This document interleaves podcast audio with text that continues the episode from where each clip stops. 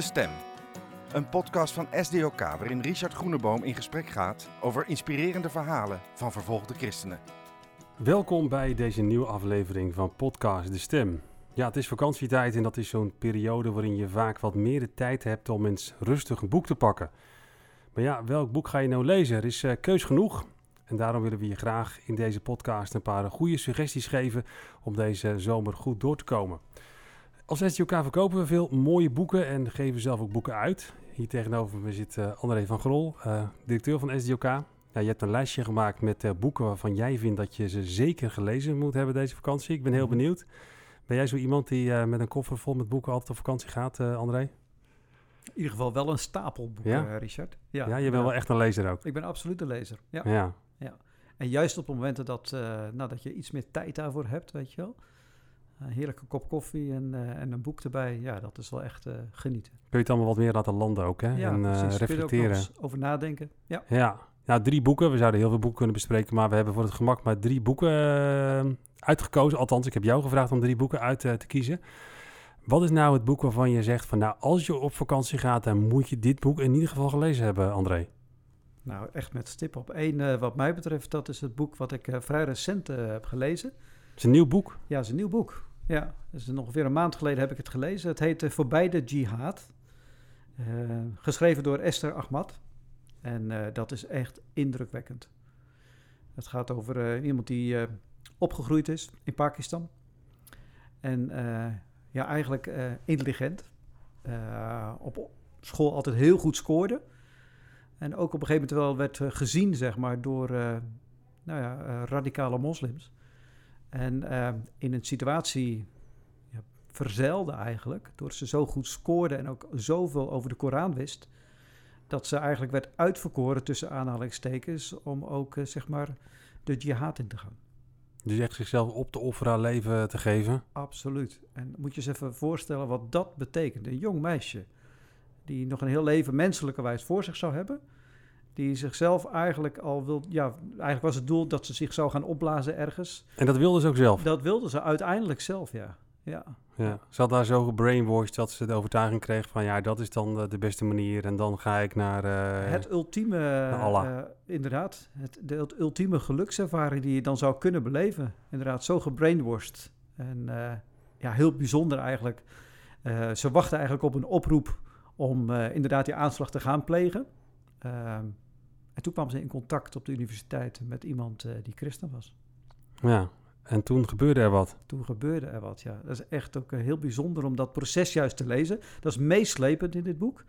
Om uh, uh, ja, ook haar vragen, zeg maar, daarin iedere keer te zien. En hoe ze ook vragen stelde, zeg maar, aan deze universiteitsdocent. Ja, want dus, leest dat vooral zelf. Ja, nee, ik heb het boek gelezen, dus uh, nee, het heeft mij ook erg aangesproken. Dus ik snap helemaal dat je deze op nummer 1 zet. Dus je ziet ook hier een stuk verzet, hè? Want het was nog niet gelijk nadat ze een christen ontmoette, dat ze gelijk dacht van nee, dat is uh, wat ik uh, nu wil gaan volgen, toch? Integendeel. Ja. Ze had duizend en één vragen. Waarbij deze christen die ze ontmoette haar heel geduldig antwoord gaf. En haarzelf die situatie eigenlijk liet ontdekken. Door gewoon uiteindelijk het woord te delen. Wilde hij trouwens eerst niet. Dat is ook heel bijzonder, hè? Maar Waarom wilde hij dat niet? Nou, omdat ze dan gevaar zou lopen. Ja. En hij zelf waarschijnlijk ook natuurlijk. Ja. Uiteraard ook. Ook al was hij daar misschien minder op gericht. Maar uh, zij zeker inderdaad, ja. ja. En uiteindelijk heeft ze toen de beslissing genomen hè, om, uh, om christen te worden. Wat is nou bij haar het omslagpunt geworden? Want ja, zij was natuurlijk uh, zo'n persoon die al met één been zeg maar, ook uit het leven was gestapt, om zo te zeggen. Want ze zou echt die stap gaan maken om zichzelf op te offeren voor de jihad. Het is ongelooflijk dat dat dan toch anders loopt. Hè? Wat is nou het moment geweest waarop zij um, ja, tot bekering kwam? Ja, ik zou, ik zou het eigenlijk toch niet willen verklappen. Nee, dat is moet een beetje wel het hele blijven. mooie ja, ja, in, de, ja. in dit boek juist inderdaad, ja. Het is echt wel een, een bijzonder moment inderdaad, dat ze tot bekering kwam. Dus ik kan zeggen, lees dat vooral. Ja. Ja, maar toch, dit boek heeft jou geraakt. Uh, ja. En waarom nou eigenlijk precies? Wat is nou datgene waarvan je zegt van nou, daarom vind ik dat je dit boek eigenlijk wel moet lezen? Ik, ik stelde mezelf voor hè, dat uh, uh, ik in zo'n gezin zou zijn opgegroeid. Als jonge jongen, zeg maar. Met mogelijk nog een hele toekomst voor me. En ehm, dat was zij. En ze kon het niet verborgen houden voor haar familie. Maar haar vader was echt radicaal moslim. En deed er ook alles aan om haar van het geloof af te houden. Haar moeder overigens ook ging daar volledig in mee. Ze werd eigenlijk iedere dag geslagen door haar moeder. eh, op het moment dat ze merkte dat ze weer in de Bijbel las. En eh, wat mij heel erg raakte in, in dit verhaal is dat op een gegeven moment haar moeder eh, toch ging nadenken. En ehm, op een bijzondere manier, zeg maar, ehm, ingewonnen zou ik zeggen haast voor, het, voor God en zijn woord. Ik, mag ik daar een deel over, Ja, een deel over voorlezen? En eh, de moeder komt op een gegeven moment bij haar omdat de broer heel erg erg ziek is. En eh, ja, eigenlijk een operatie ze nodig hebben, maar ze konden daar in Pakistan niet de juiste medicijnen en artsen voor vinden. En die komt dan bij haar en die zegt ja, ik, ik weet niet meer wat ik moet doen. Zoals het echt een einde raad en het risico zou er zijn dat deze zoon en dus broer zou overlijden. En dan komt die moeder bij haar en dan zegt ze, gelooft u dan dat Jezus kan genezen? Ja, zegt ze. En ik kwam met tranen in haar ogen. De laatste keer dat je hebt gebeden zijn mijn problemen verdwenen. Als je nu bidt, zegt de moeder dan, geloof ik dat Jezus hem zal genezen. Ami, zegt ze dan, als wij allebei geloven dat Jezus kan genezen, waarom bidden we dan niet met z'n tweeën? Zegt de dochter tegen de moeder. Er kwamen al snel tranen. Tussen de snikken door nam ze grote happen lucht en het duurde een tijdje voor ze weer kon spreken. Hoort Jezus me dan wel? Ondanks dat ik je heb geslagen, is hij dan niet boos? Nee, zei ik. Hij wacht elke dag op u. Zijn armen staan altijd wijd open. En zo komt die moeder tot, eh, tot verandering door haar dochter. Nou, stel je voor dat eh, ja, als jonge jongen of meisje zo als instrument ook gebruikt wordt. Dat is, eh, ja, dat is, vind ik ontzettend aansprekend. Ja, ook de manier waarop zij natuurlijk naar haar moeder reageert, want zij heeft heel wat klappen gehad. Ja, En dat ze dan toch die vergevingsgezindheid In laat zien, hè? In liefde, ja. en liefde. Ze voelde ook dat eh, haar moeder niet de schuldige was. Maar dat hier duidelijk eh, andere geesten achter haar moeder zaten, zeg maar, die haar daartoe aanzetten. Ja, Ja. Ja, echt indrukwekkend. Ja. er zitten ook wel weer heel veel lessen in, hè? Wat, eh, wat leer jij nou zelf ook van zo'n van zo'n boek? Nou, ik leer hier in eerste instantie van dat ehm, het zo belangrijk is hoe ons gedrag naar buiten toe is. Ook als christen. Of je nou jong bent of ouder bent, dat maakt niet uit. Ehm, de kracht van het woord en wat je uitstraalt eh, is zo groot. Zo indrukwekkend. Dit, dit jonge meisje, weet je wel, opgegroeid als radicaal jihadist zou je kunnen zeggen. Klaar voor de, voor de oorlog, komt tot verandering en gaat volledig aan de andere kant staan. En laat door haar liefde zien, door haar vergevingsgezindheid, onder andere naar haar moeder, naar haar vader ook toe, die heel ver ging, zeg maar, eh, wie Jezus voor haar is. Ja. Nou, dat, dat, dan leer ik daar wel iets van, inderdaad, inderdaad om eh, zelf ook, hm, in alle gebrek, dat zeg ik eerlijk hoor, eh, wel de liefde van Jezus door te geven en uit te stralen, ook in mijn gedrag. Ja, heel inspirerend. Ja, het is een heel eh, mooi boek wat ook makkelijk leest, hè? eh, weet ik uit eigen ervaring. Eh, het is ook een hele lange levensgang die ze nog gemaakt heeft, is ze tot geloof gekomen. Maar het ging allemaal niet over rozen, om er eventjes zacht uit te drukken. Heeft een hele zware weg gekregen, maar nou ja, wat er allemaal gebeurd is, we gaan het maar niet verklappen, hè, André. Dat is een beetje jammer, want het is inderdaad echt een, een fascinerend boek. Dus als je nou zegt van nou, dat is wel een boek wat ik zeker wil gaan lezen, de moeite waard. Zeker. Het boek- is dus, eh, heeft als titel Voorbij de Jihad van eh, Esther Ahmad. Het kost 22,99 euro en is verkrijgbaar in de webshop van de SDOK. Dus ga dan naar www.sdok.nl webshop. Ja, dat was tip 1. André, dan gaan we maar gelijk door, stel ik voor, naar het tweede boek. Ehm, wat is eh, nou, ja, tip 2, die, eh, ja, het boek wat je zou willen aanraden deze vakantie? Dan wil ik aanraden het boek van eh, Nick Ripken. En de titel is eh, daarvan Het dwaze van God. Nou, merkwaardige titel. Ja, het dat is dwaze van God. bijzondere, bijzondere titel. Maar het zegt ook wel iets over het boek. eh, in de zin van, ja, op allerlei bijzondere manieren die wij niet zouden kunnen bedenken, werkt God juist door. Wie is Nick Ripken? Ja, Nick Ripken was een, eh, iemand die eh, jarenlang actief geweest op het gebied van humanitaire hulpverlening. Onder andere in eh, Somalië. Hij met zijn vrouw zijn al vrij jong als, in, namens een organisatie daar naartoe uitgezonden. En, en ja, werden eigenlijk, zoals hij zelf dat ook beschrijft, gedropt in Mogadishu. Om daar in die nood en die burgeroorlog mensen te helpen. Als het ging om voedselvoorziening, distributie. Op een gegeven moment was hij ook verantwoordelijk voor ongeveer 50.000 ehm, mensen, zeg maar, om die te voorzien van voedsel. Een immense taak, een hele moeilijke taak waar hij zo'n beetje alles voorbij heeft zien komen aan corruptie, aan pijn, verdriet en honger in Somalië. Die hem ook, ja, dat, dat heeft er eigenlijk mede voor gezorgd, denk ik, dat hem dat op een gegeven moment wel stil heeft gezet. Ja, want eh, Somalië is natuurlijk een van de meest, eh, ja, nou, ik zeggen, duistere landen van de wereld, denk ik toch wel, hè? Als het gaat om geweld, oorlog, honger. eh, Ja, en niet al eventjes, niet eventjes, hè. Al Dat heel lang. jarenlang, ja, ja. is ook ja, zo. dat is ook maar heel weinig christenen, hè, op een handje te tellen. ontzettend weinig.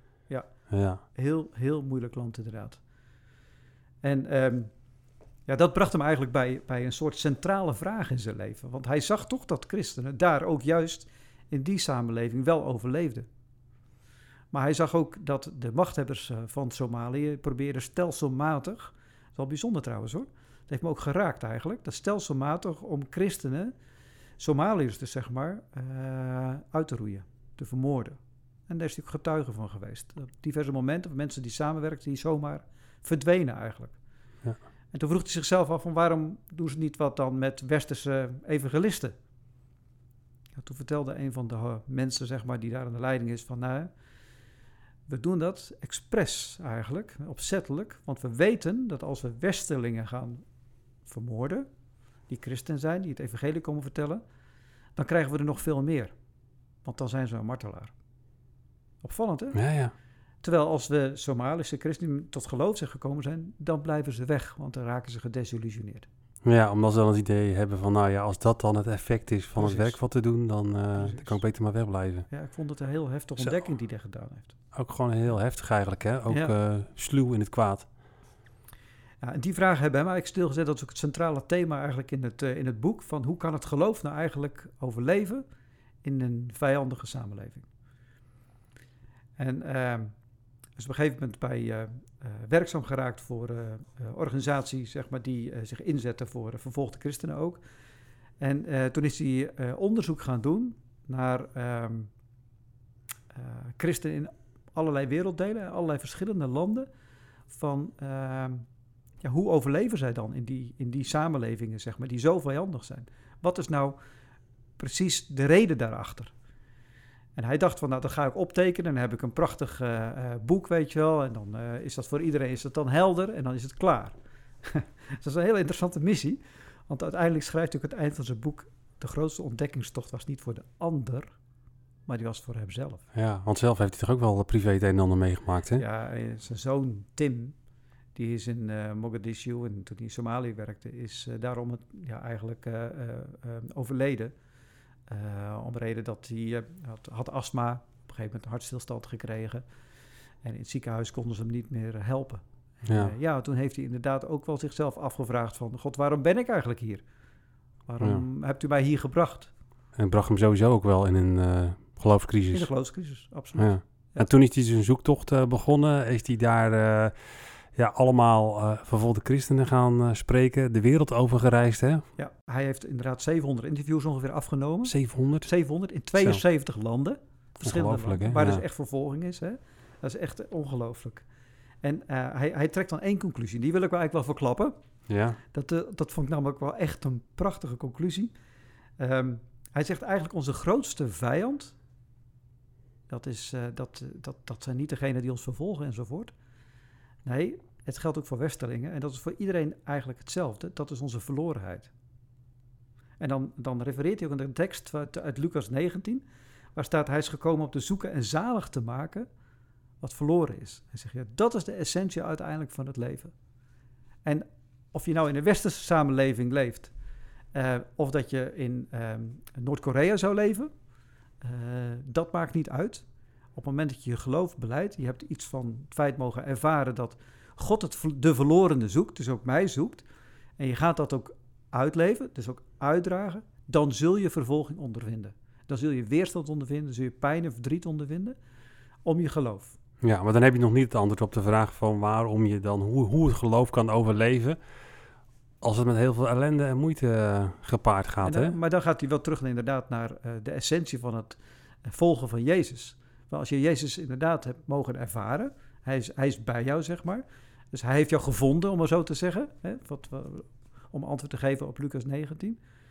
Ja, dan ehm, eh, zoek je je geluk niet meer hier, maar dan zoek je het daar, Ja. over het leven heen. En was dat dan een nieuwe ontdekking voor hem? Want hij was natuurlijk ook al eh, christen. Hij eh, was natuurlijk actief in missionair werk.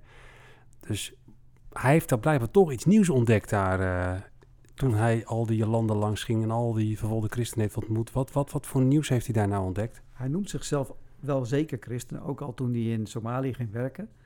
Maar hij noemt die zoektocht, zeg maar, naar van wat is nou eigenlijk de reden dat deze mensen overleven in een vijandige samenleving en hun geloof niet verliezen. Dat noemt hij eigenlijk zijn soort eh, ehm, herbekering, zou je kunnen zeggen. Een Hmm. soort opnieuw, weet je wel. Voor hem uiteindelijk als persoonlijke ervaring, als zegt van ja, dat die essentie van het God heel dichtbij, zeg maar, ervaren, dan maakt het niet uit waar je leeft. Ja. Dus eigenlijk zegt hij van... eh, door die ontmoetingen eh, heb ik meer gezien hoe, hoe God nog meer dichterbij kan komen dan dat ik God al kende. Kan ik het zo zeggen? Ja, zo, kun- zo kun je inderdaad, die conclusie kun je trekken inderdaad, ja. En dan Ja. maakt het inderdaad niet uit wat je meemaakt in je leven. Kijk, dit is niet makkelijk voor mij om te zeggen ook, omdat ik ook best heel wat heb meegemaakt in mijn leven. Maar hij verloor zijn zoon, Ja. een jonge jongen, die die, die moest achterlaten in, eh, in Somalië. Dat heeft hem heel erg geraakt ook. En ehm, Ja, even voor de luisteraars die niet weten. Hè. Je hebt natuurlijk zelf eh, je eerste vrouw eh, verloren. Hè. 40-jarige leeftijd bleef met vijf jonge kinderen achter. Ja. Dus je hebt ook je bagage. Als je dan zo'n boek leest, herken je dan wat hij zegt over God ervaren in moeilijke omstandigheden, lijden. Want je kunt dat natuurlijk breder trekken dan alleen christenvervolging natuurlijk, denk ik. Hè? Heel bijzonder, hè, door genade mocht ik ook zeggen dat ik Christus wel volgde. Ook voordat ik mijn vrouw verloor, heb ik al eerder tegen jou ook gezegd. Maar eh, daarna, het is een tijd duister geweest. Maar daarna heb ik wel iets van die eh, de rijkdom, of van de, de, rijkdom mogen ervaren, inderdaad.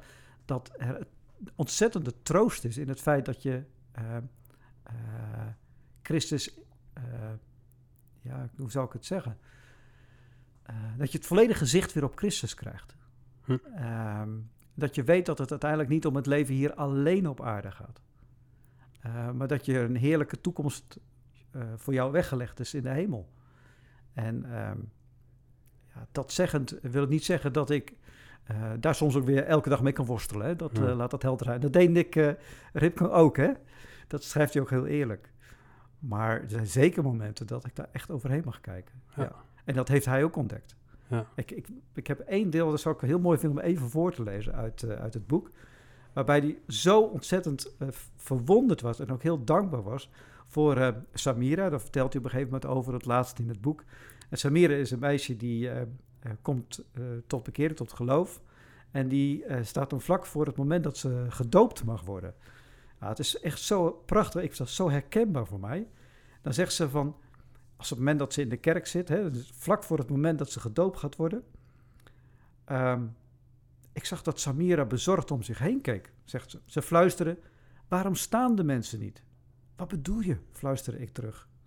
Waarom juichen en klappen ze niet? Ik ontplof haast van blijdschap. Ik denk dat ik ga gillen. Ik moest mijn lachen inhouden. Ga je gang, zuster. Als je wil gillen, dan doe ik met je mee. Een minuut lang leek het of dat ze het ging doen. Maar ze deed het niet. En ik ook niet. En Rut en ik, dat is de vrouw van Nick, zaten de rest van de dienst met tranen in onze ogen. Terwijl we onze aandacht verdeelden tussen het gezin dat gedoopt werd en onze vriendin uit de strenge moslimwereld die ons op dit wonder had gewezen en gedoopt werd. Ja. Ja, dit is, ik vind het zo prachtig. Ik krijg hier echt kippenvel van. Ja, toch meer de blijdschap, de vreugde in het geloof. Terwijl wij misschien ja, dingen als wat meer normaal kunnen gaan ervaren. Nou, dat, dat risico lopen we allemaal inderdaad, ja. Het feit dat we vakantie mogen hebben, bijvoorbeeld alleen al. Uh, ik weet gewoon uit uh, alle reizen die ik heb gemaakt... dat uh, deze mensen, uh, in, zeker in de landen waar wij werken... continu onder spanning leven.